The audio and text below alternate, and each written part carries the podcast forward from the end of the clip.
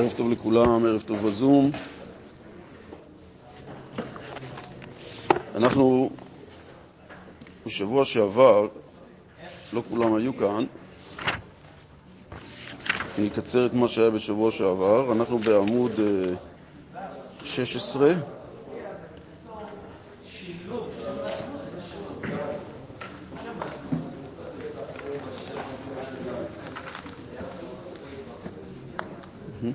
כאן יש.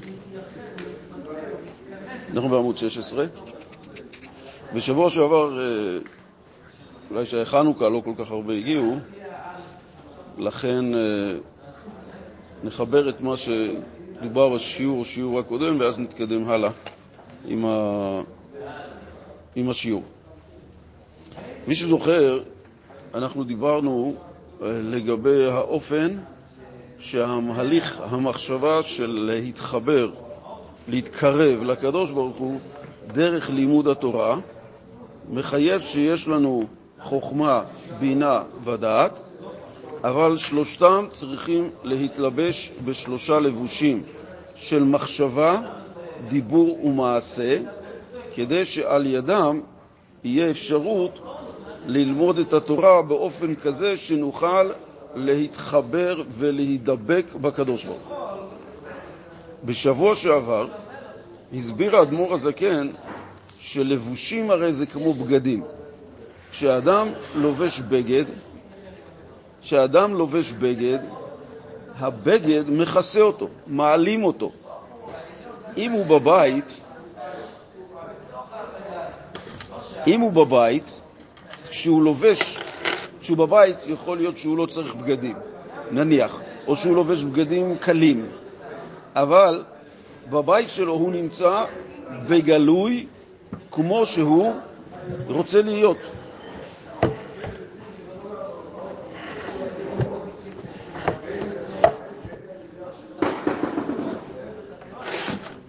כמו שהוא רוצה להיות, אני קצת חוזר על מה שלמדנו בשבוע שעבר, שהוא צריך, כדי לצאת החוצה, מה זה לצאת החוצה? זה להתגלות לאנשים אחרים, הוא חייב להשתמש בלבושים. חליפה, חולצה, מכנסיים. הלבושים מצד אחד מסתירים עליו ועל הגוף שלו, אבל בזכות הכיסוי שמסתירים אותו, ככה הוא יכול לצאת החוצה. אם לא יהיה לו את הבגדים האלה, אז הוא לא יכול לצאת. על דרך זה הקדוש ברוך הוא. התורה היא כל כך אינסופית כי היא החוכמה של הקדוש ברוך הוא, ובגלל שהיא כזאת אינסופית, אם הקדוש ברוך הוא לא היה מלביש את עצמו בדברים שנקראים לבושים, או בלשון החסידות צמצומים, היה מצמצם את עצמו, אז לא היינו יכולים לגלות, הוא לא יכל לכאורה כביכול להתגלות אלינו בתורה, ועל ידי זה אנחנו יכולים ללמוד את התורה. הקדוש ברוך הוא עשה שהוא בעצם צמצם, הקטין את עצמו, וכמו שהוא נותן את הדוגמה, כמו רב או משפיע שיש לו את הסוגיה שנמצאת בתוך הראש אצלו, והוא צריך להסביר אותה לבחור ישיבה יותר קטן.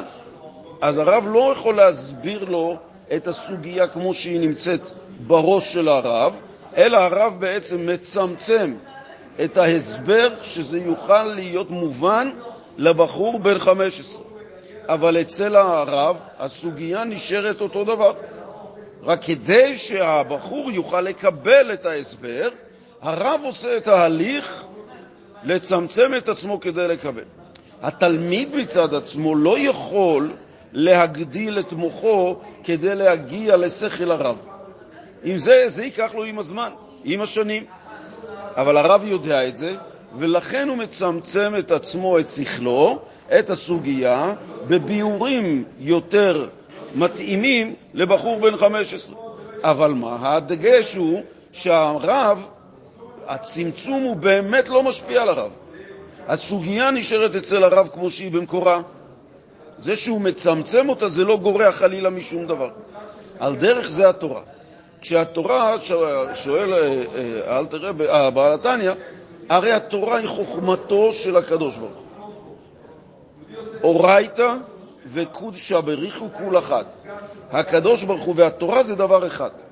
וכשאנחנו אומרים על הקדוש ברוך הוא שהוא אינסופי, אין לו הגבלות, והתורה שלו זה החוכמה שלו שגם אין לה הגבלות, כי זה דבר אחד עם הקדוש ברוך הוא. אם כן אנחנו, בעלי שכל מוגבל, אנשים מוגבלים, איך אנחנו יכולים להצליח ולהשיג וללמוד את החוכמה של הקדוש ברוך הוא? הרי היא לא מוגבלת. מה עשה הקדוש ברוך הוא? זה כמו להבדיל עם הנושא של הרב שצמצם את התורה. מה זאת אומרת צמצם? היה דבר כזה שנקרא סדר ההשתלשלות. סדר השתלשלות מתחיל מארבע עולמות, גם לפני כן, אבל נתייחס לארבע עולמות שידועות יותר, שזה אצילות, בריאה, יצירה, עשייה. בכל אחד מהם יש אין סוף דרגות, שהקדוש ברוך הוא לקח למשל את מצוות התפילין. היא מבחינת הבורא, זוהי מצווה אינסופית, כי זה רצון השם. רצון השם הוא גם אינסופי. אז איך אפשר להלביש רצון אינסופי שאנחנו המוגבלים נצליח להבין דבר שהוא אינסופי? אם הוא יישאר ככה, לא נצליח להבין מה זה מצוות תפילין.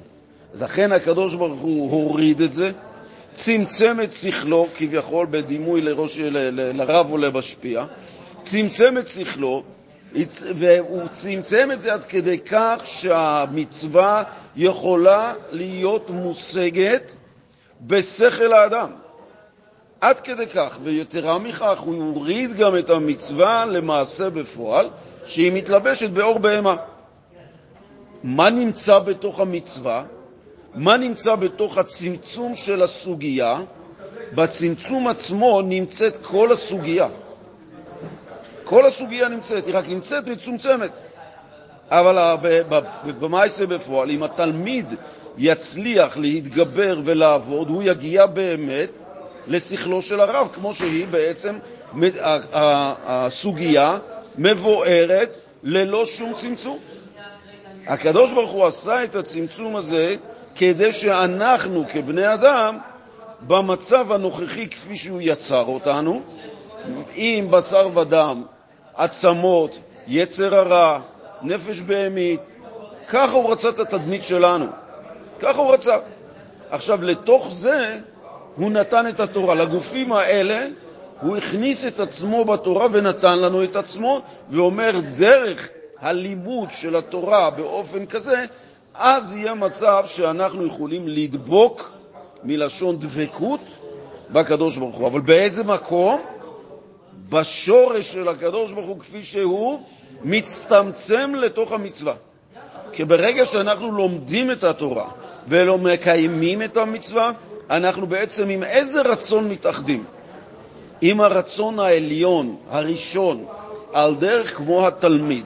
כי כשהוא מצליח לפצח ולהיכנס לתוך הסוגיה שהרב צמצם אצלו, אז התלמיד מגיע לאיפה? לשורש השכלי של הרב, לסוגיה כפי שהיא. אותו דבר זה בקיום המצווה. זה בעצם מה שאנחנו פחות או יותר אה, למדנו בשבוע שעבר, והיום אנחנו ממשיכים לעניין שמה בעצם עשה הקדוש ברוך הוא בזה שהוא הוריד את עצמו כאן למטה, ואיך זה בעצם בא לידי ביטוי שזה נמצא כאן בעולם. נאמר, מה שאמרנו כרגע זה בעצם בכללות, ויותר הרב מדמה את זה כאן למעשים אחרים, דברים מהעולם כדוגמה, שבעצם האופן הזה שהקדוש ברוך הוא צמצם את עצמו, כדי שנבין שבתוך המצווה ובלימוד התורה אנחנו לומדים את רצונו ואנחנו מקיימים את רצונו. במקרה כזה, רבותיי, כשאנחנו מצליחים להגיע לסוג תובנה כזאת, שאנחנו באים ללימוד התורה בגישה כזאת, אנחנו כאילו נמצאים במקום של כלי שהאגו לא נמצא. שאין כבר את הדבר הזה שאני לומד לצורך עצמי, להתגדל, להבין, אה, לצאת ידי חובה וכו' וכו' וכו'. הדברים הם באים, אני בא בגישה שאני בא ללמוד את חוכמתו ורצונו של הבורא. ברגע שאני בא בגישה כזאת, אז התורה מקבלת את כל הזווית האחרת, מזווית מבט שלנו, מזווית אחרת לגמרי, היא איננה כבר אותו תורה שהיה לנו מושגים אחרים עליה, וכמובן שאלה מושגים אמיתיים, אבל הם רובדים מאוד חיצוניים לפני שבעצם התגלתה תורת הפנימיות החסידות, אז המובנים היו שבאופן כזה שצריך באמת לגדל את האגו של האדם בבחינה הזאת שיש תלמידי חכמים ויש עמי הארץ. לפני גילוי החסידות זה אכן היה ככה. היה את האנשים שהשתמשו בתורה, וזה הם חשבו שזה בעצם האופן הנכון, כי ככה כולם באמת אמרו, שזה בעצם לגדל את עצמך באופן כזה שאתה תרגיש את מעלת התורה, שאתה אדם מלא תורה. וממילא מגיע לך כבוד, וממילא יש לך מעמד, וממילא בעצם אני מפתח את האני העצמי שלי. ולאחר שהתגלתה התורה, תורת החסידות היא באה בדיוק מהופך, שאמרה, האדם צריך לבטל את עצמו. ולכן ההתנגדות כל כך הייתה, שזה בדיוק איך אפשר לקחת את התורה ולהפוך אותה למצב של הפך. עד כאן פחות או יותר אה, בשבוע שעבר, אנחנו נמשיך כאן בעמוד 16.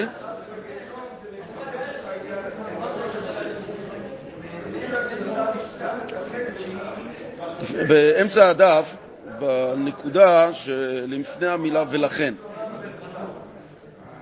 זאת אומרת, רק לפני כן עוד דבר אחד נוסיף, אני רואה שכאן עוד משהו, שהקדוש ברוך הוא בעצם, אה, בצמצום שלו, שזה נקרא שבמקום שאתה מוצא, אה, במקום שתרצה למצוא גדולתו, שם אתה מוצא את ענוונותו.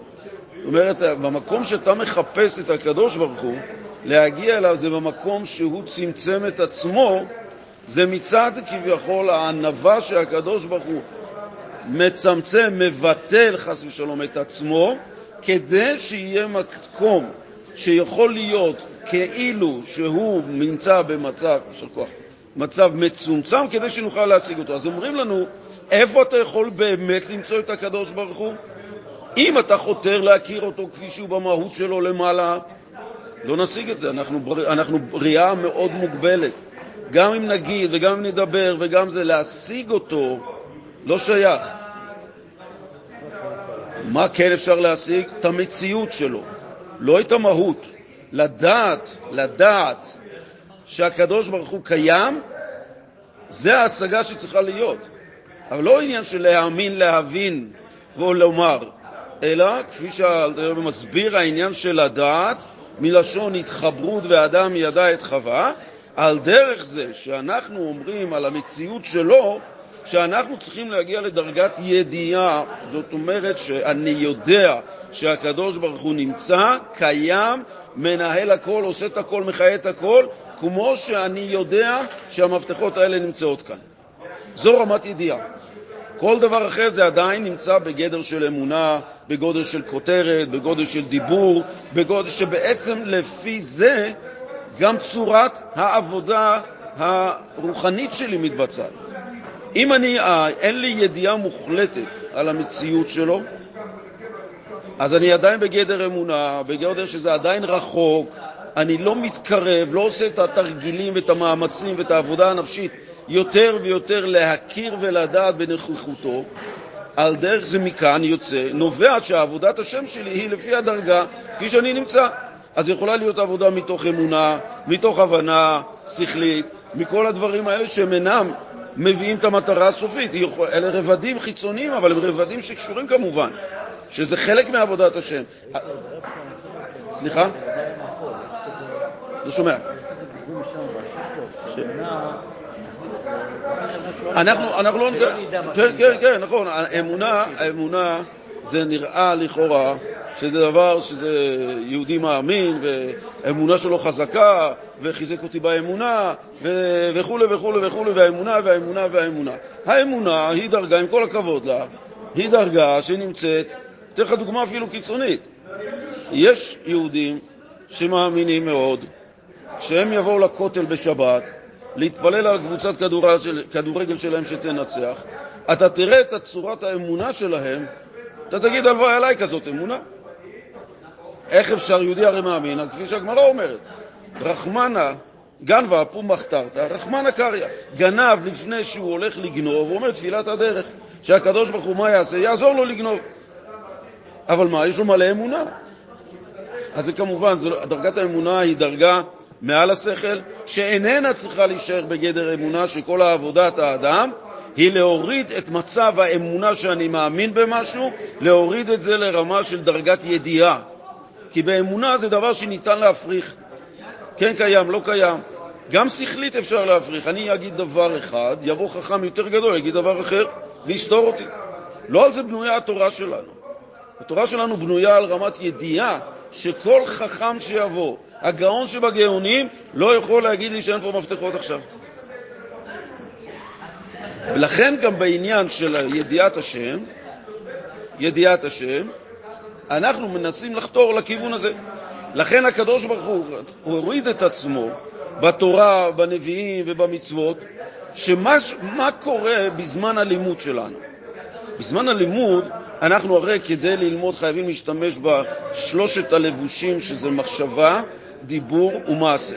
מי מתלבש בלבושים האלה? כפי שכבר הוזמנו, החוכמה, בינה ודעת של הנשמה האלוקית, ובתוכה גם מתלבשים כל עשר בחינות הנפש. זאת אומרת, חוכמה, בינה ודעת זה המובילים לתוך הלבושים, שבעקבותיהם נכנסים הרגשות, חסד, גבורה, תפארת, נצח הוד, יסוד מלכות. זאת אומרת, כאשר אני לומד את התורה על ידי הלבושים, בלבושים מלובשים עשר כוחות הנפש, יוצא מצב שעשר כוחות הנפש מתחברות עם הקדוש ברוך הוא, עם חוכמתו ורצונו. זה האקט הלימודי. זה בעצם שם הפעולה שאני עושה ברגע שאני לומד או ברגע שאני מקיים מצווה. זה בעצם הפעולה, החיבור הזה נעשה. וזה מה שהקדוש ברוך הוא עשה, אבל החשיבות היא שהוא יצר את אופן הקשר. כבר דיברנו על זה בעבר, שיהודי, הרי כל הדורות וכל השינויים שישנם, זה כל הזמן חל בגלל שהאדם רוצה להמציא קשר עם הקדוש ברוך הוא לחיים טובים יותר. ותמיד זה נכשל, בגלל שזה בנוי על שכל אנושי המוגבל. מה שאין כן, כשהקדוש ברוך הוא נתן את הדרך לעבוד אותו, לכן אנחנו מאוד מדקדקים עד קוצו של י', כי זה קוצו של י' של הקדוש ברוך הוא. רמת הדבקות שלנו בו היא באה מתי שאני רוצה להדר, זה מכיוון שאני רוצה שכל הרצון שהקדוש ברוך הוא הכניס בדבר הזה, אני רוצה להיות מחובר אליו בכל הדרגות שהוא הכניס. באתרוג, בתפילין, בלימוד. אני רוצה להגיע למהדר מן המהדרין, מכיוון שזה המצב בכללותו, לבוש של הקדוש ברוך הוא שמתלבש במהדר מן המהדרין, אבל גם, הוא אומר, אתה רוצה, הבחירה שלך לאיזה דרגה אתה רוצה להתחבר. אתה רוצה אתרוג כשר, אתה רוצה אתרוג אה, עובר, זה גם כשר, אפשר לברך עליו. אבל זה מראה ככה על הקשר בין האדם לבין הקדוש ברוך הוא שהוא מתפשר. אבל בעיקרון, יהודי שרוצה את החיבור, ואני מדבר על החיבור ולא על זה שכולם יראו מה קניתי, ולא כולם יראו איזה אתרוג קניתי, ולא העניין שכביכול, אה, שכולם מוצאים את האתרוג מקופסת כסף וכולם מסתכלים כאילו כל אחד שיסתכל כדי שאחרים יסתכלו. תגיד איזה... נכון, זה הראשי תיבות, אבל מה בעיקרון? זה שקניתי אתרוג, עם ההסתכלות, שינוי הזווית, אני בא לקנות אתרוג כי בא מלובש כרגע רצון השם. מה הרצון שלו? שיהיה לי אתרוג בחג הסוכות. ואני רוצה למלא את הרצון שלו, זה תלוי כמה אני באמת מעוניין למלא את הרצון שלו, כמה אני מחובר אליו כדי למלא את הרצון שלו, כמה אני יודע עליו, כמה אני מכיר בו, כמה אני מודה לו על מה שיש לי, או שאני חושב שזה שלי בכלל, זה לא הוא עשה. ואני רק אומר, כן, יש אלוקים, ואני מאמין בו, השם יעזור, יש לי ברכה. כל הדברים האלה שמן השפה ולחוץ, היא באה בעצם לצורך האדרת של האדם עצמו. וזה לא בגלל רצון השם. גם אותו הקדוש ברוך הוא מקבל, גם אותו תעשה. אבל לפחות שהאדם ידע שאיזה אופן ישנו של התחברות עם הקדוש ברוך הוא, כי זו המטרה. והמטרה היא בעצם להגיע שהקדוש ברוך הוא רוצה שהיהודי יגיע אליו. שהיהודי בתוך העולם הזה יעבוד אותו בצורה נכונה למען היהודי, למען האדם עצמו, למען הבן. Hmm?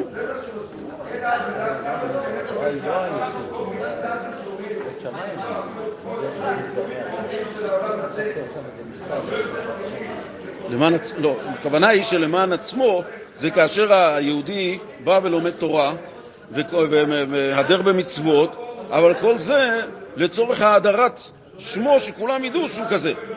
איפה הקדוש ברוך הוא פה בתמונה? לא נכנס. למה? כי אני לא נתתי לו מקום אצלי. אז אני אומר שהקדוש ברוך הוא גם את זה אוהב, מה לעשות, גם כזה בן יש. אבל מה? הבן, מבחינתו, מכיוון שהוא לא ידע באמת את האופן שצריך, אז יכולה להיות גישה כזאת, יכולה להיות מחשבה כזאת, כי דרך אחרת הוא לא הכיר. ולכן, כאשר הוא בעצם מתיידע מל... מלשון ידיעה לאופן עבודת השם אחרת, והיא הכוונה מביאה אותו להיות כלי בזה שהוא עושה רצון של מישהו אחר, שזה מבחינתו לא ממלא את רצונו שלו כדי להאדיר את עצמו, אלא בעצם זה גורם לרצות לעשות את הרצון של הזולת על ידי זה שאני בעצם במילוי הזולת, אני מתחבר לזולת. הדוגמה הכי יפה לזה היא הטבעית ביותר, זה אבא ובן.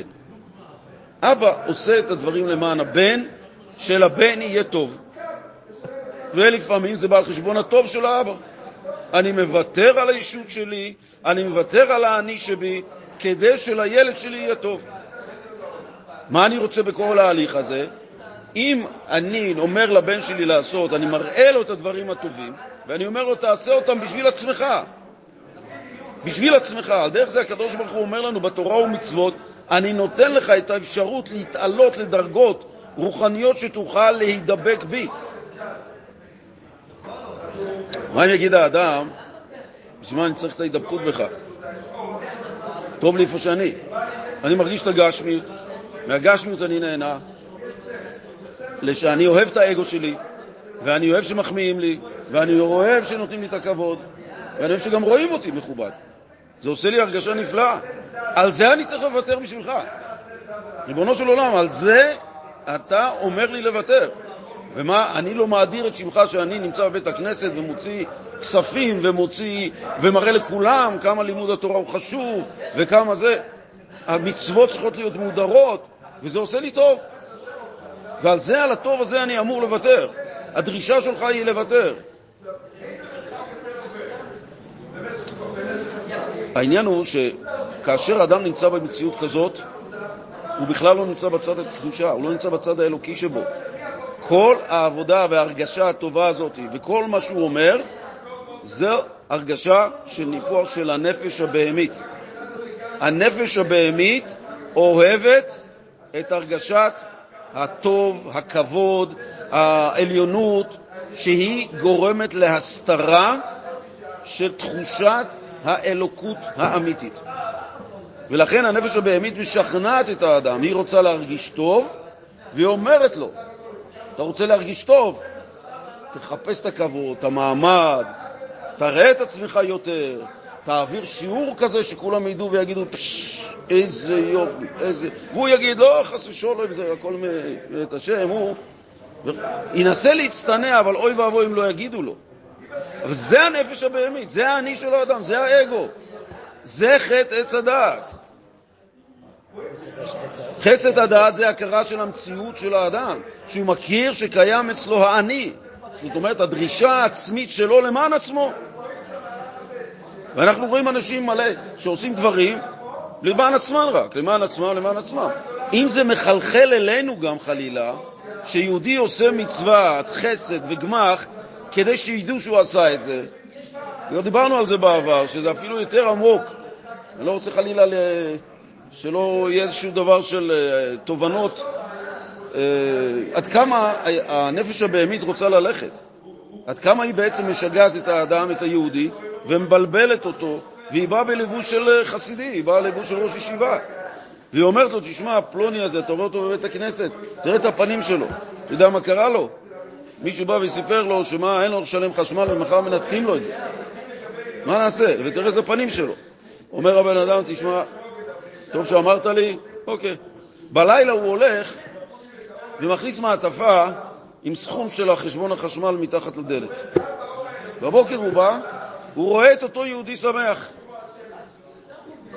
עכשיו, התורם שמח מזה שהיהודי הזה שמח. לכאורה זו מעלה יפה, נכון? כתוב בכך, כתוב שההרגשה הזאת, שהוא שמח שהוא עשה את היהודי השני שמח, השמחה, ההרגשה הזאת, תוביל אותו לעצבות האיומה. ככה.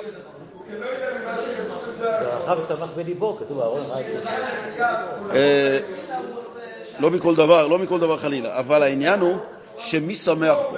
בלי להיכנס לאריכות של זה, כי אנחנו בנושא אחר. מי השמח אצלי, אבל מי השמח אצלי שזה טוב לו?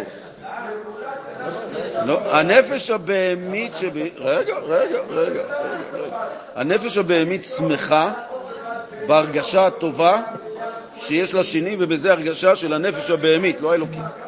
ולמה? למה נאמר את זה ככה? מכיוון שיש לנו מצווה, למשל, שצריך ללמוד תורה. צריך לעשות חסד עם השני. ואהבת לרעך כמוך, נכון? כשאתה מניח תפילין, האם אתה אומר לעצמך, תשמע, אני עשיתי פה דבר גדול, אני מניח תפילין כל יום, אני מקיים את זה יום-יום. אתם יודעים מה זה להניח תפילין כל יום? 80-90 שנה אני מניח תפילין כל יום, ואתה רוצה שיכבדו את זה, אתה רוצה שיהיה לך טוב מזה. ואפילו הנחת תפילין למי שלא הניח. הלכת והנחת לו תפילין, קנית לו תפילין. הכל נשמע טוב, נכון? אבל לכך נוצרת. הרי לזה בדיוק הקדוש ברוך הוא יצר אותך, שתעשה את הדברים האלה כמובן מאליו. ואם אתה הולך ושמח מזה ששימחת מישהו, אז אתה מרגיש שזה מה הפעולה שלך. ואם הפעולה היא שלי, זאת אומרת, לא נובעת מצד ציווי, אלא נובעת מהבנה שכלית שלי, אז אני שמח בהשגה הזאת. ואז אם אני שמח, מי שמח בהשגה הזאת? הנפש הבהמית. כי למה? כי היא לא בעצם עשתה פה דבר שמובן מאליו. אני אשאל אחרת. אדם הולך לישון כל לילה, אוכל צהריים כל יום. האם הוא מחכה שימחאו לו כפיים? אני הולך לישון, כולם עכשיו יגידו לי, ואני, אם אמרתי למישהו לישון, והוא הלך לישון, אני רואה אותו ישן, אני אשמח, איזה יופי, הוא הלך לישון. קחו לי כפיים שאני הולך לישון, למה לא? כי בן אדם מבין שיש, הקדוש ברוך הוא יצר את האדם שהוא צריך לישון בלילה, וכשאני הולך לישון בלילה, איזה מילה אני יכול להפסיד? למה לא מגיע לי שום דבר? כי זה מובן מאליו. אני אוכל צהריים כי זה מובן מאליו. וכשאני מניח תפילין, כי זה מובן מאליו, כי זה ציווי השם, אני עושה חסד עם השני, זה מובן מאליו. אם אני שמח בשמחתו של השני, שהוא עושה לי שמח, אז נשאל אחרת. אם לא הייתי עושה לו את זה, אז לא הייתי שמח.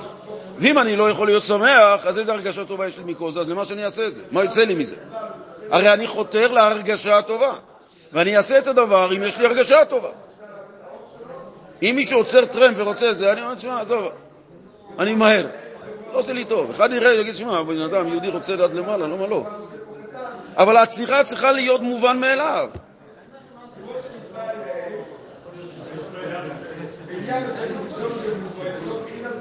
כלומר, כלומר, מה זאת אומרת חפץ שיהודי עושה? איך? כן, בדיוק, שאלה טובה. שאלה טובה, שאלה טובה. בפרק א' למדנו, וחסד לאומים חטאת. Uh, למעט חסידי אומות העולם, כל דבר שגוי עושה, החסד שהוא עושה, הוא עושה בסיסטם להרגשה הטובה האישית שלו. לא תהיה לו הרגשה טובה, הוא לא יעשה. זאת...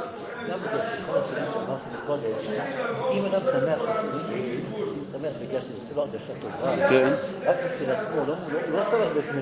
נכון, הוא השתמש בש... השני, לא יודע איך תמצא, השני, רגע, השני בעצם, מה עשיתי עם השני? עשיתי עם החיסרון של השני, ניצלתי אותו לצורך הרגשה טובה שלי. האם אני באמת שמח בשמחת השני? לא שאני... העניין הוא... אני באמת שמח. אוקיי, שואל אותי הרב, אבל אם אני באמת שמח בשמחת השני, כן? לא. רגע, רגע, רגע. לא, לא צריך לעשות ככה. בעצם זה שאני שמח בשמחת השני, השמחה הזאת, אם היא לא הייתה, לא הייתי שמח בה, נכון? נכון. אז אם ככה יוצא מכך, שמה? אני שמח בכל מקרה בגלל השני, אבל מי בתוכי שמח? האדם יכול לראות, אני שמח, נכון? אני בא לבית חבר, אני שמח בחתונה של הבן שלו. אני בא לבית הכנסת, אני שמח באיזשהו דבר מסוים שאני אוהב לעשות. השאלה היא, בגלל, לא בגלל מה אני שמח, איזה חלק בתוכי שמח. איך אני מזהה אם זה הצד של הקדושה, או אני שמח בגלל הצד של הנפש הבהמי. כי אם אני הולך לשמחה של חבר, ואני שמח ורוקד איתו והכל והכל, ואני שמח בשמחתו, אם אתה כל כך שמח בשמחתו, למה השמחה הזאת לא ממשיכה ליום אחרת גם? הרי שמחה של מצווה, מצווה לשמח חתן וכלה. אז למה השמחה הזאת לא מתקבעת? למה? למה? למה? כי מה שנגעתי, נגעתי בחיצוניות של הרגש של השמחה. זה חיצוני. כי למה? אני לא שמח תמידי. הרי לעשות את ה... עבדו את השם בשמחה, יש דבר כזה שהקדוש ברוך הוא יצר כוח של רחמים, כוח של חסד, כוח של שמחה. את הזמן זה כוח, מקום זה כוח, כל הדברים האלה זה כוחות רוחניים שהתלבשו בדברים גשמיים. אז גם שמחה היא כוח רוחני שכולו בועת שמחה, ככה נכנה את זה, היא מאה אחוז שמחה. אם אני נכנס לתוכה, אז אני בעצם שמח תמיד כמוה. כל זמן שאני נמצא שם אני שמח. זאת אומרת, אני שמח כמו שהשמחה יודעת לשמוח. עכשיו, מה קורה אם אני לא בתוכה? אז יוצא מצב שאני עובר לידה. אני עובר ליד מצווה, אני נמצא שם באזור, אבל לכן השמחה הזאת היא מאוד מוגבלת גם, ולאו דווקא שהיא נובעת מקדושה. עבדו את השם בשמחה זה לדעת את איזה חלק לשמח בתוכי, זה אחד. ב', שמחה זה רגש, ואני רוצה להגיע לרגש בהליך שלמדנו, דרך החוכמה, בינה ודעת, ואז אנחנו מגיעים לרגש. ובשמחה אנחנו חייבים לעשות את ההליך חוכמה, בינה ודעת, כדי להגיע שעבדו את השם בשמחה. ולכן כשבן אדם אומר אני שמח, זה יכול להיות שמח מבדיחה. נכון? שמח, צוחק. אבל הבדיחה הזאת, אחרי חצי שעה אני כבר לא זוכר אותה. ולכן גם כשאני צוחק זה לא יותר מ-15 שניות. זה נגע בחיצוניות של החיצוניות של הרגש. לכן זה לא מתקבע. וההליך שהקדוש ברוך הוא יצר אותנו, חוכמה, בינה, דעת ורגשות, באופן הזה אני מצליח להגיע גם לרגש של השמחה. איך מתפתח הדבר? אם ניקח דוגמה של, של, אה, של מצווה, ניקח דוגמה של לימוד תורה. מה אדם גורם לו שמחה? אדם גורם לו שמחה בעיקר כשמתחדש לו משהו שלא היה לו לפני כן. לא היה לו מישהו הביא לו מתנה, לא היה לו את הדבר הזה לפני כן. שמח. אדם לומד תורה, איזה תוספת של משהו שלא היה לו, סוגיה שהוא הצליח, לפני כן לא היה לו, זה תוספת שמחה. כשאני לומד את התורה, ואני בא לומד בכלל לפני כן, לא את מהות התורה, אלא מה זה בכלל תורה, או מה זה בכלל מצווה, זה דבר שמבחינתי עדיין נמצא כחיסרון של חוסר הבנה בדבר. והלימוד שלי, כשזה מביא אותי למקום שהמצווה היא דבר של רצון השם, ואני מגיע לזה בעומק, מה יתווסף לי? התווספה לי הידיעה שאליה הצלחתי להתחבר על ידי החוכמה, בינה ודעת, שאני מזהה עכשיו את כל מה שאני רואה פה, אני רואה רצון השם, לא רצוני, לא רצונו, רצון השם מלובש פה. זה היה חוכמה, בינה, דעת. בעקבות זה, השמחה מתפתחת ברגש בצורה של עבדו את השם בשמחה. זה ההליך הנכון. זה ההליך של לימוד, זה העניינים של תורה ומצווה. אופן אחר זה תמיד, אנחנו, אני, אנחנו חייבים לשקף לעצמנו גם את המצב הנוכחי שלנו. איפה אנחנו נמצאים ביחס לאמת. איפה אנחנו נמצאים ביחס למה שהתורה אומרת, מה שמתגלה לנו, מה בעצם מעמד התורה, איפה אני נמצא מבחינת התובנות שלי בדבר, אופן הקיום המצוות שלי, כשאני ניגש לקיים מצווה, מי בעצם ניגש, מה התחושה שיש לי בהגשה, אה, חוסר הברירה וכו' וכו', הדברים שבעצם בן אדם יכול וצריך לנתח את עצמו על השולחן, שולחן קר, עם שכל קר, ולהעמיד את עצמו בינו לבין עצמו על השולחן, ולהסתכל במצב של שיקוף גמור. איפה אני ביחס ל... למצווה. איפה אני ביחס להסתכלות לימוד תורה. איך אני מסתכל היום על התורה. ובן אדם בינו לבין עצמו אף אחד לא יודע. ונכון, יישברו לו דברים. יישברו לו, יישברו לו, יישברו לו דעות קודמות. אבל המשבר מלשון שבר זה בא לתקן, כמו שכתוב שאישה יושבת על המשבר. מתוך המשבר צומחת חיות חדשה. זרעים שזורעים הם נשברים באדמה, נרקבים, ומתוכם יוצא. אבל אם בן אדם יסגור את עצמו בתובנות מקובעות, שככה צריך, בפרט בגיל שלנו המבוגר, שאנחנו כבר התרגלנו, ואיך עכשיו תתחיל לשנות תובנות, ולאיפה נגיע? אנחנו נגיע למקום שנשאר ככה מקובעים, קרים, אה, בעל כורחנו, בצורה מצוות אנשים מלומדה, במצב הטוב. יבשים, יבשים. אבל עבודת השם היא תמידית, אין מקום שהקדוש ברוך הוא אמר שכאן אתה לא צריך יותר כמה מצוות. במתים, חופשי. אבל עד אז, אין יום שאתה יכול להגיד, אני מבוגר, אני כבר לא, אני לא יכול, אני לא... זאת אומרת, העבודה, עבודת השם שלנו צריכה להיות, זה נקרא לבחון את עצמך, לדעת את המקום שלך, בלי לחשוש, בלי לפחד. להגיד, אני אוי ואבוי מה גיליתי אצל עצמי. איך אני חושב ככה? הרי עצם המחשבה זה כפירה. מה פתאום, איך אני יכול לחשוב על דבר כזה? תראה, בן אדם יושב, אברך, אדם מבוגר, יושב בבית וחושב, ביני לבין עצמי. תגיד לי, רב שלמה, יש אלוקים או אין אלוקים?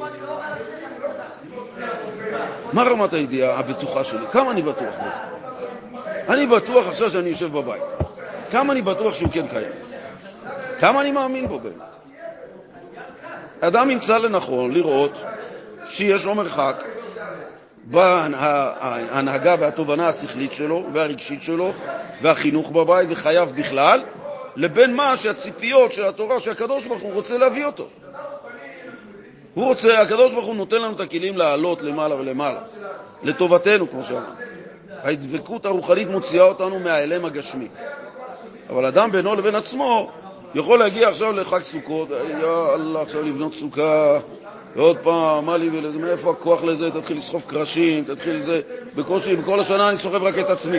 עכשיו אני גם צריך קרשים, להתחיל לבנות, וזה, ופה ושם, וסכך ותביא, חתיכת עבודה. מה למה לי את זה? זה אדם, בתוכו, בין עצמו, מבחוץ רואים, וואי, הוא מקיים את המצווה, איזה יופי, ילדים, משפחה. בינו לבין עצמו, הוא צריך, הוא צריך את זה בשביל זה חיות. אני חייב לשאול אתכם, שלשום הייתה לי שיחה עם פרופסור מבית רפואה רמב"ם. אני מכיר אותו הרבה שנים, והוא עקב איזשהו משבר של מעמדות שקינאו בו, כי הוא כבר בגיל צעיר היה פרופסור, הצוותים שם התנכלו לו. אז הוא התקרב איכשהו להתחיל ללמוד ביהדות שהוא מצא את המנוחה שלו. אז הוא היום אה, אומר, אני לומד, אני אומר גם דבר תורה בבית הכנסת, הוא לא אדם דתי. אבל בשבילו, הוא לא אדם דתי. אבל מה? הלימוד כרגע, הוא, כמובן שזה תורת השם והיהדות והמסורת, הכל הכל אצלו נתפס בצורה, לא שהוא רפורמי ועושה ככה, אבל עדיין לא כל המצוות. אבל הוא אמר לי, אני קם כל בוקר עם מועקה. עם מועקה. ואני קם בבוקר עם מועקה, אני עושה את כל הדברים האלה, זה לא, לא נותן לי את ההרגשה הטובה. ואמרתי לו, איך אתה לומד ומה אתה לומד? אז הוא הסביר לי, אני לומד, לומד, לומד, לומד. עכשיו הוא פרופסור, אז הוא לומד ברמה השכלית של הדברים, להסביר אותם. זה ככה היה וככה היה וככה היה וככה היה. ואמרתי לו, אתה לא מתרגש מזה? אתה לא מתחבר רגשית לדבר שאתה לומד? לא. אמרתי לו, תבין מה שאתה עושה. אתה, אמרתי לו, תבין מה שאתה עושה. בתורת החסידות יש לנו את שלושת השלבים הראשונים, חוכמה, בינה, דעת. כל העניין שלהם זה להבין ולהפנים את הנושא. עדיין לא להרגיש אותו. אבל מה אני יכול לתאר אותו, להסביר אותו, כמה שאני רוצה, הלוך ושוב, הכל הכל. אני יודע. אמרתי לו, אחרי זה יש לנו פעולה שמחברת לרגשות. אתה נתקע בשכל, לא יורד עליו. הוא אפילו לא ידע שיש המשך. הוא לא ידע. אמנם שהוא קורא ספרי פילוסופיה יהודית, הוא לא ידע שיש המשך, שיש רגשות שצריך להמשיך אליהם כדי שמה? ייצור לי רצון ומוטיבציה, וכשאני קם בבוקר אני קם עם אותו מטען שהלב סוחב, הרגש סוחב, מימים קודמים. וניהלנו על זה שיחה של שעתיים וחצי, שהוא היה המום מהאופן החיים, שהוא חי באופן כזה של, בחיי היום-יום, שהוא לא מרגיש את עצמו מואר אפילו שהוא עושה את כל מה שהוא עושה. ואמרתי לו שזה בעצם ההליך שנתקעת בו, ונתקעת בלי, רק בשכל, ויש הרבה כאלה שחושבים שהלימוד זה רק השכל, אבל התורה היא ממשיכה, כל המטרה שהקדוש ברוך הוא יצר לנו גם רגשות, לא שהם ישבו באיזה מקום, באיזה אה, אה, בוידם. הכוונה היא להפעיל אותם, להרגיש אותם, כי הם יוצרות רצונות רגשיות של מוטיבציה להמשיך ולעשות את הדברים ביתר שאת.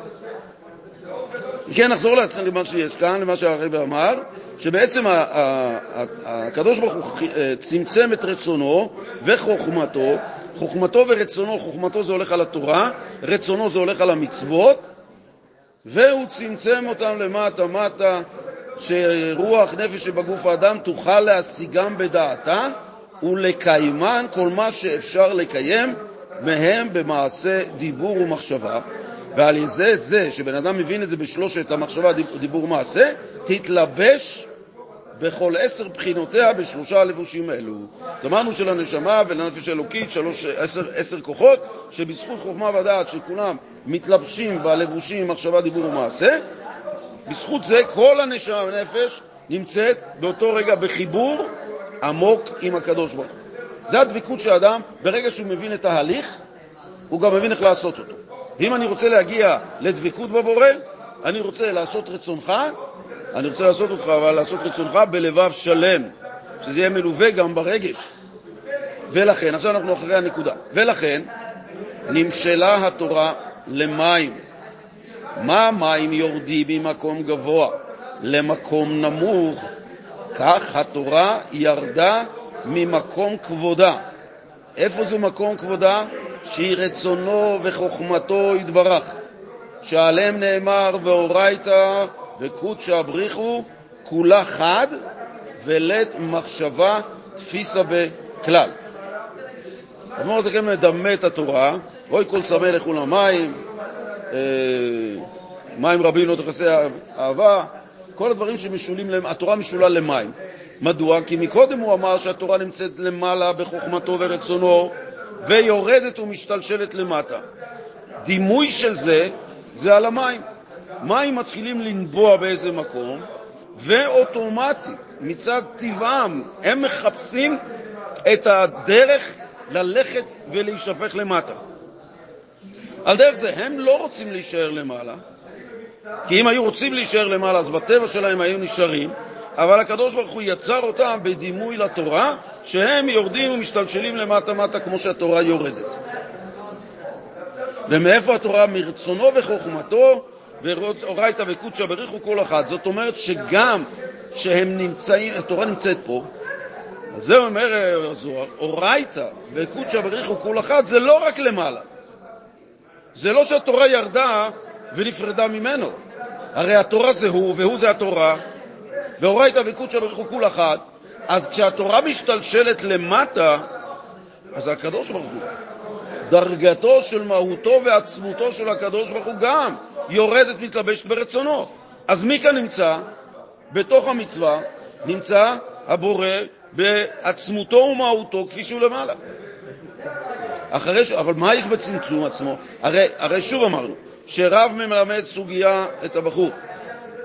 הסוגיה אצל הרב נמצאת בגדולתה, אבל יש לו ילד בן 15 שהוא צריך להסביר לו את זה, אז מה הוא עושה? הוא מלביש את המחשבה ואת הסוגיה ברמה שהילד יבין. מה הוא עשה? הוא צמצם אותה. אז אפשר להגיד שמה, שבאמת הרב צמצם את שכלו ועכשיו הוא, יש לו שכל כמו ילד בן 15? לא. אז משמע מכך שבצמצום עצמו אצל, אצל התלמיד נמצאת כל הסוגיה כפי שהיא. למה? הראיה, כי אם התלמיד יתאמץ, הוא יכול להגיע לבדו לרמת השכל של הסוגיה כמו אצל הרב. כי אם היא הייתה באמת מצטמצמת, אז לעולם הוא לא יכל לעבור אותה. אבל זה שהרב נתן לו את הכלים וצמצם את עצמו בכלים, נתן לו את האפשרות להגיע לרמת השכל הגבוהה. על דרך זה הקדוש ברוך הוא שצמצם את עצמו בגלל שרצונו, הרצון שלו, הוא להתלבש בעולם הזה, לרדת למקומות גשמיים, להתלבש בגוף האדם בשר ודם, ולהתלבש במקומות שממנו האדם יעשה מצוות, ושם, במקומות האלה, הרצון של הקדוש ברוך הוא מלובש הכי הרבה. נראה בהמשך למה, דווקא מאיפה אנחנו יודעים שזה ככה. המשיך הרבה ואומר, משם נסעה וירדה בסתר המדרגות, ממדרגה למדרגה בהשתלשלות העולמות, עד איפה? עד שנתלבשה בדברים גשמיים וענייני עולם הזה. מה זה ענייני העולם הזה? שהם רוב מצוות התורה ככולם, והלכותיהם ובצירופי אותיות גשמיות בדיו על הספר 24 ספרים שבתורה, נביאים וכתובים. זאת אומרת, כאן הוא אמר, חזר על מה שאמרנו, שבעצם התורה הלכה והצטמצמה, ועד כדי כך במצוות גשמיות, לא רק במצוות גשמיות, אלא גם באותיות גשמיות שאנחנו קוראים אותן בתורה, ואנחנו קוראים את זה גם בתורה שאנחנו קוראים בשני וחמישי בספר תורה ובשבת, וגם באותיות הדפוס שאנחנו הרי לומדים את התורה על ידי שאנחנו קוראים את האותיות, מחברים אותם למילים, ומילים מובנים למשפטים, ומבינים את הדבר, את הסוגיה, זה מכיוון שהקדוש ברוך הוא הלביש את עצמו באותיות האלה גם, עד המקומות האלה. וכל זה למה? כדי שתהיה כל מחשבה תפיסה בהן, ואפילו בחינת דיבור ומעשה שלמטה ממדרגת מחשבה תפיסה בהם ומתלבשת בהם, מאחר שהתורה ומצוותיה מלבישים כל עשר בחינות הנפש. אומרת בכל אופן שהקדוש ברוך הוא הוריד את עצמו, צמצם את עצמו, עד כדי כך שתהיה המחשבה, שימו לב לתהליך הארוך של הצמצום של אין סוף, להצליח להוריד את זה בצורה כזאת שהמחשבה של האדם, של האדם הנחות, למטה למטה, יצליח להשיג את מציאות התורה, את דרישת התורה שהיא בעצם רצונו. הצלחנו להבין, כשהוא אומר תפילין, למה הכוונה. תאר לכם שהוא היה אומר לנו, תשמע, אני רוצה שתניחו תפילין, אנחנו לא יודעים מה זה. תשמרו שבת, אנחנו לא יודעים מה זה. זה היה נשאר בגדר שלא צמצום ללא הסבר. אז איך היינו מקיימים את הרצון שלו? הקדוש ברוך הוא הטריח את עצמו ועשה עוד יותר צמצום כדי שהמחשבה המגושמת שלנו תוכל להבין דברי אלוקות. ולא רק בביצוע המעשי, אלא גם להצליח להשיג מציאות רוחנית, אלוקית, שלפני כן הייתה במצב של נעלם, התגלתה לנו תורת החסידות שמצביעה על דרגות רוחניות, ולאפשר לשכל הגשמי שלנו להצליח להשיג את המציאות שלהם, לא מהות, את המציאות שהם קיימים. וזה הקדוש ברוך הוא עשה. ועל ידי זה שהחיבור הזה נעשה ככה, מאחר שהתורה ומצוותיה מלבישים כל עשר בחינות הנפש, וכל תרי"ג איבריה מראשה ועד רגלה, הרי כולה צרורה בצרור חיים את השם ממש ואור השם ממש, מקיפה ומלבישה מראשה ועד רגלה, כמו שכתוב, צורי אכסה בו. וכתיב קצינה רצון תעתרנו, שהוא רצונו וחוכמתו יתברך המלובשים בתורתו ובמצוותיה. זאת אומרת, מה קורה כשבן אדם יהודי לומד תורה? הרי הקדוש ברוך הוא הלביש את עצמו בתורה. עכשיו אני בא ללמוד את התורה. מה קורה כאן? מה, איזה הליך מתבצע פה בין זה שהקדוש ברוך הוא נמצא, הלביש, הכניס את עצמו בתורה, לבין זה שאני לומד את זה? הקדוש ברוך הוא נתן את הכוחות הרוחניים שלנו כדי שעל ידם נוכל, יש לנו מחשבה ויש לנו גם דיבור אפילו בדיבור שזה מדרגה מחשבה, דיבור שזה מדרגה יותר נמוכה ממעש, ממחשב, ממחשבה, וגם כמעשה, אנחנו על ידי הכוחות הלבושים האלה גורמים לעשר כוחות הנפש שיש לנו בנשמה להתחבר עם המהות של התורה.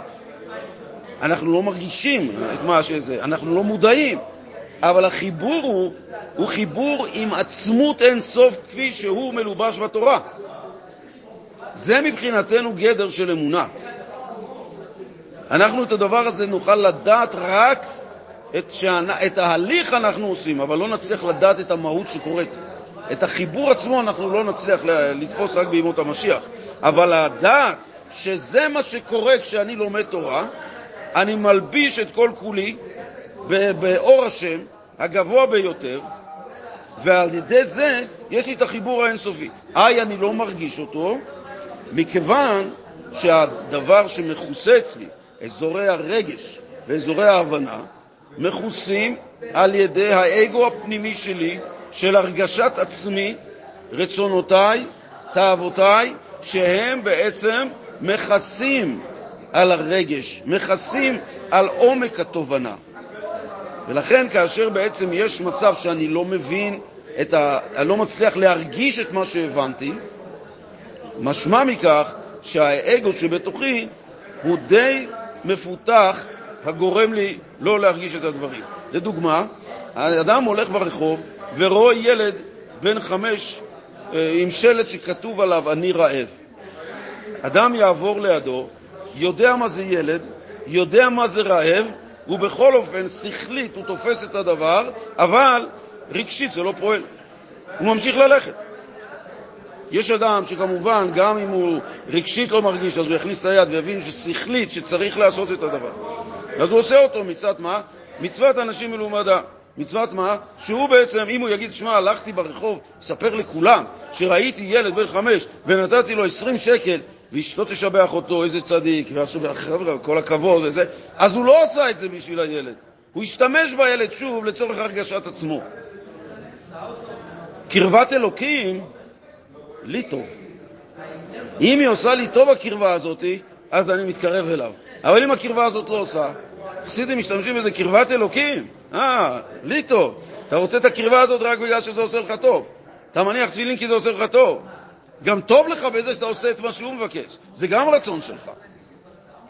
רצון של האדם היהודי, האמת היא, זה לרצות רק מה שהוא רוצה. כמו עבד שרוצה רק רצון האדון. כמו בן מלך שכולו, או עבד של מלך שהוא רוצה רק את מה ש... לכן נקרא עבד מלך, הוא גם מלך, כי כל כולו זה העניין של המלך. לכן העניין הוא באופן כזה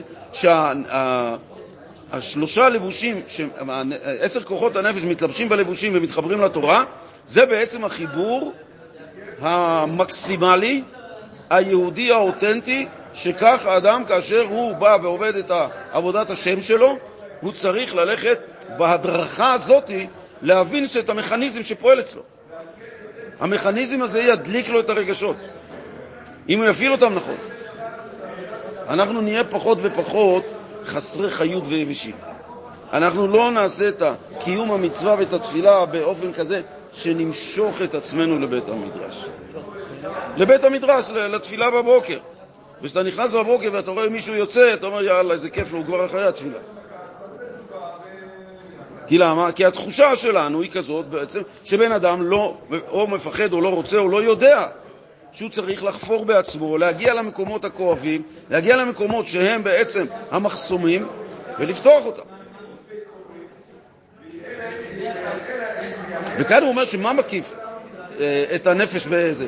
כל תרי"ג איבריה. ברגע שעשר הכוחות מתלבשים, בעשר הכוחות יש גם 16 ו 613 איברים, דקויות רוחניות, שהם הם כנגד כל תרי"ג גוף אה, האדם, לכן כאשר מחשבה, דיבור ומעשה מתלבשים בלבושים ומתחברים בתורה, כל עשר כוחות הנפש שנמצאים גם, 613 כוחות הנפש שנמצאים, גם כולם מתחברים עם התורה, עם הקדוש ברוך הוא. אז זה לא רק חוכמה, בינה ודעת, אלא בעצם כך, כל הנפש, כל העשר, שבתוכם כלולות 613 דקויות רוחניות של מבנה הנפש של האדם, הם מתלבשים כנגד 613 תרי"ג מצוות, כשהם מלובשים בתורה, כל זה מתלבש. זה לא רק חוכמה, בינה ודעת, אלא כולו כל כולו נכנס בתוך הלימוד, שכל הנפש שלו גם נמצאת. שוב, ההרגשה של זה, האמירה יפה, אתה לא להגיד, תשמע הרב, אתה אומר דברים יפים, דברים נעימים, אבל איפה זה ואיפה המציאות? נכון, אבל אנחנו יודעים שהמציאות כרגע זה זה, זה האמת.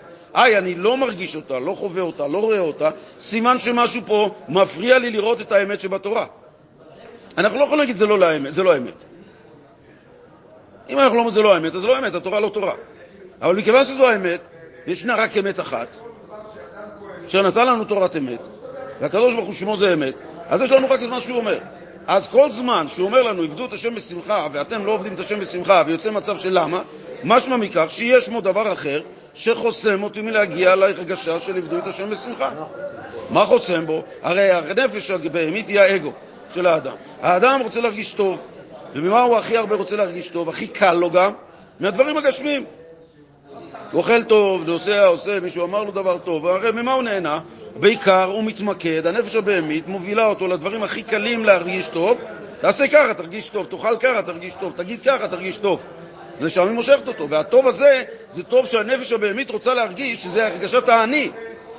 והאני שלו בעצם מתעצם על ידי הרגשות האלה. ואז נגרם לו בעצם הרגשה שהוא מרגיש רק את עצמו, ממילא הוא לא יכול להרגיש את הצד של הקדושה.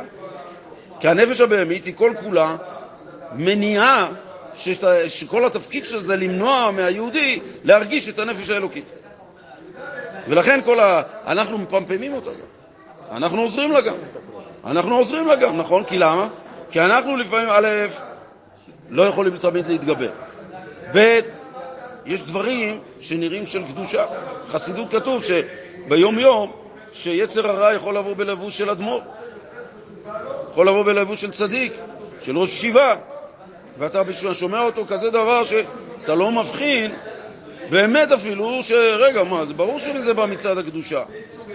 הוא יכול להגיד לאדם, תשמע, תשמע, תשב ותלמד עשר שעות כל יום, תשב תלמד. והוא מקבל החלטה שהוא רוצה, ואומר לו, תשמע, אתה תהיה גדול הדור ואתה תתקדם ותהיה ראש שיבה, יהיה לך שידוך מעולה. שב תלמד. והאדם הזה לא בנוי ללימוד כזה, ואחרי שבועיים שלושה הוא נשבר.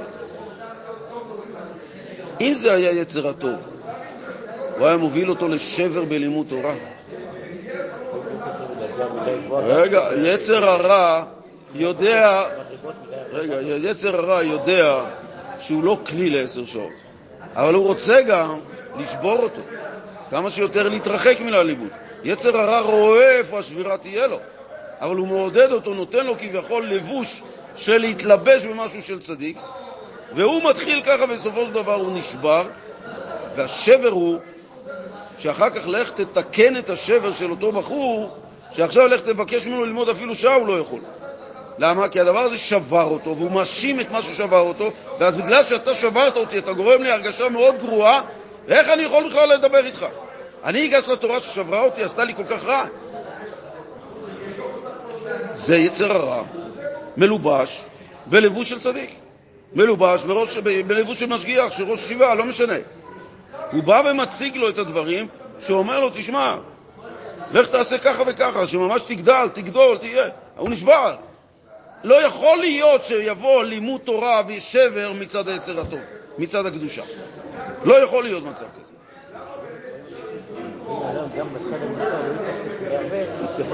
לכן, לכן, אומר הרב שגם בצד הקדושה יש בן אדם שרוצה לקפוץ קדימה כמה שיותר.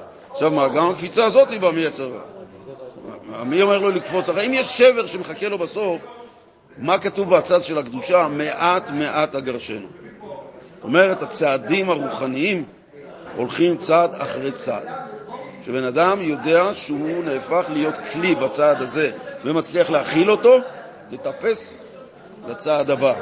תצפ... גם ככה הצעדים האלה בונים אצל האדם את המבנה הפנימי שלא תהיה לו בעיה של שבירה, הוא מחזק אותו.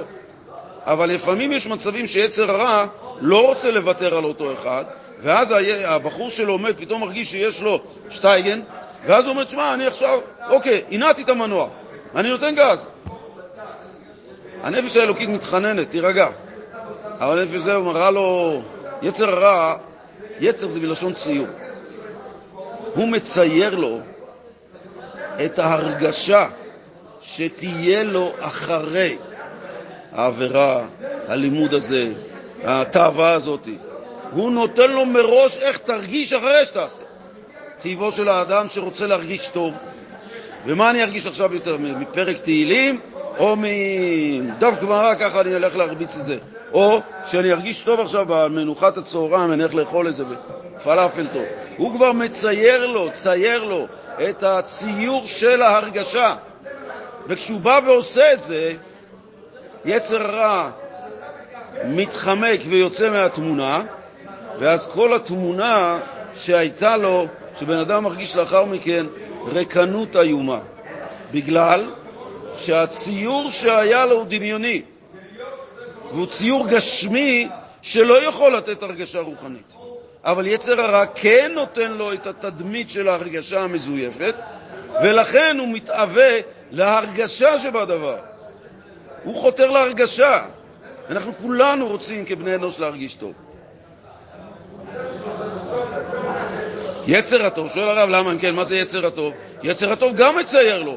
מה הוא מצייר לו? כשאני רוצה ללמוד על מצווה, ואני רוצה ללמוד על חשיבותה כלפי הקדוש ברוך הוא, מה, איזה ציור אני צריך? אני צריך לצייר לי את המעלה שבדרגה, שבקדושה, שרצון השם מתמלא בדבר הזה, שבעצם יצר הרע מביא לי את ההרגשה הנכונה אחרי שאני אגיע לדבר הזה. יצר הטוב, סליחה, יצר הטוב, בא ומביא את התחושה האמיתית שיש בקיום מצוות. מה התחושה? התחושה היא הדבקות. אני מרגיש במצווה, בקיום המצווה לאחר מכן, או תוך כדי, את הדבקות שיש בקיום של מצווי המצווה. זה החיבור. יצר הרע, מה עושה? הוא עושה העתק, הוא מעתיק. הוא אומר, בוא אני גם אתן לך הרגשה, על אותו סיסטם. והוא בא בלבוש צדיק, תשמע, תלך, תעזור ליהודי הזה, הוא יהיה שמח, תלך תעשה לו את זה וזה וזה וזה, והנה תראה כמה שהוא שמח וכמה שזה, והוא בעצם בא ועושה לו תרגיל מהצד השני, ויצר הרע מצייר לו את ההרגשה שתהיה לו לאחר מכן. וההרגשה הזאת תוביל לעצבות בסוף. אבל למה? הציור בא באופן כזה שאנחנו יכולים לצייר את הדבר ולרצות אותו בעקבות זה. הרי אין אדם יכול לרצות דבר שהוא לא יודע קיומו. אין מצב. מתי הוא רוצה משהו? רק אחרי שהוא יודע שהוא קיים. יצר הטוב, אם אני מלמד את המציאות שישנה, ואני לומד את קיומה, ואת טובתה, ואת המעלה שבה, ממילא יתפתח לי ככל שאני אפתח יותר ויותר מעלה לדבר, אוטומטית יקרה לי שאני ארצה את הדבר. גם בטוב וגם ברע. אבל אנחנו אמורים להתמקד בטוב, כדי שכל הזמן נרצה את הטוב, כדי שכל הזמן ההרגשה, מה זה הרגשה שיהיה לנו מהטוב? אני לא מנצל את התורה ואת הקדוש ברוך הוא בשביל הרגשה אישית. הנה, אני לומד תורה, אני מרגיש טוב. יופי, יא נצלן. אתה מנצל את חוכמת הבורא כדי שאתה תרגיש טוב. אם לא תרגיש טוב, אז מה תגיד? שהתורה הזאת לא שווה. זה, זה, זה, זה, בעצם הפורמולה, זה הנוסחה. אבל אם אני בא ללמוד את התורה כחוכמתו של הבורא, שאני לא קיים בתוך, האני שלי לא קיים בתוך המציאות הזאת, אז הלימוד נעשה שמאיר בתוכי ההערה של הקדושה, של הגילוי של הקדוש ברוך הוא דרך אותו לימוד. וזה משמח, נכון, וזה הדבקות, וזה הדבר שבעצם אני רוצה את הציור שלו. כדי להגיע למקום הזה אני צריך את היצר הטוב שיצייר לי את הדברים שאני, הוא יכול לצייר רק אם אני אתן לו את זה. אם אני לא מודע על דבר מסוים הוא לא יכול לצייר. אבל אני יכול לתת את הדבר, והוא עוזר ומצייר איתי בחוכמה, בינה ודת את המעלה ואת הקדושה שבדבר, עד כדי להכיר במעלה של הדבר, אם יש לי מעלה, אז אני רוצה להתחבר, אני רוצה את זה. אם אני רוצה את זה, סימן שאני אוהב את זה, וכו' וכו' וכו', עד ששם נעשית הערה פנימית של שמחה, שהיא ממלאה לגמרי גם את הרגשות, גם את המוחין, גם את עבודת השם, וגם לאחר כך בענייני חולין, אני לוקח איתי את אותה שמחה, כי גם בענייני חולין זה חלק מעבודת השם שלנו. ולא מצוות. עד כאן.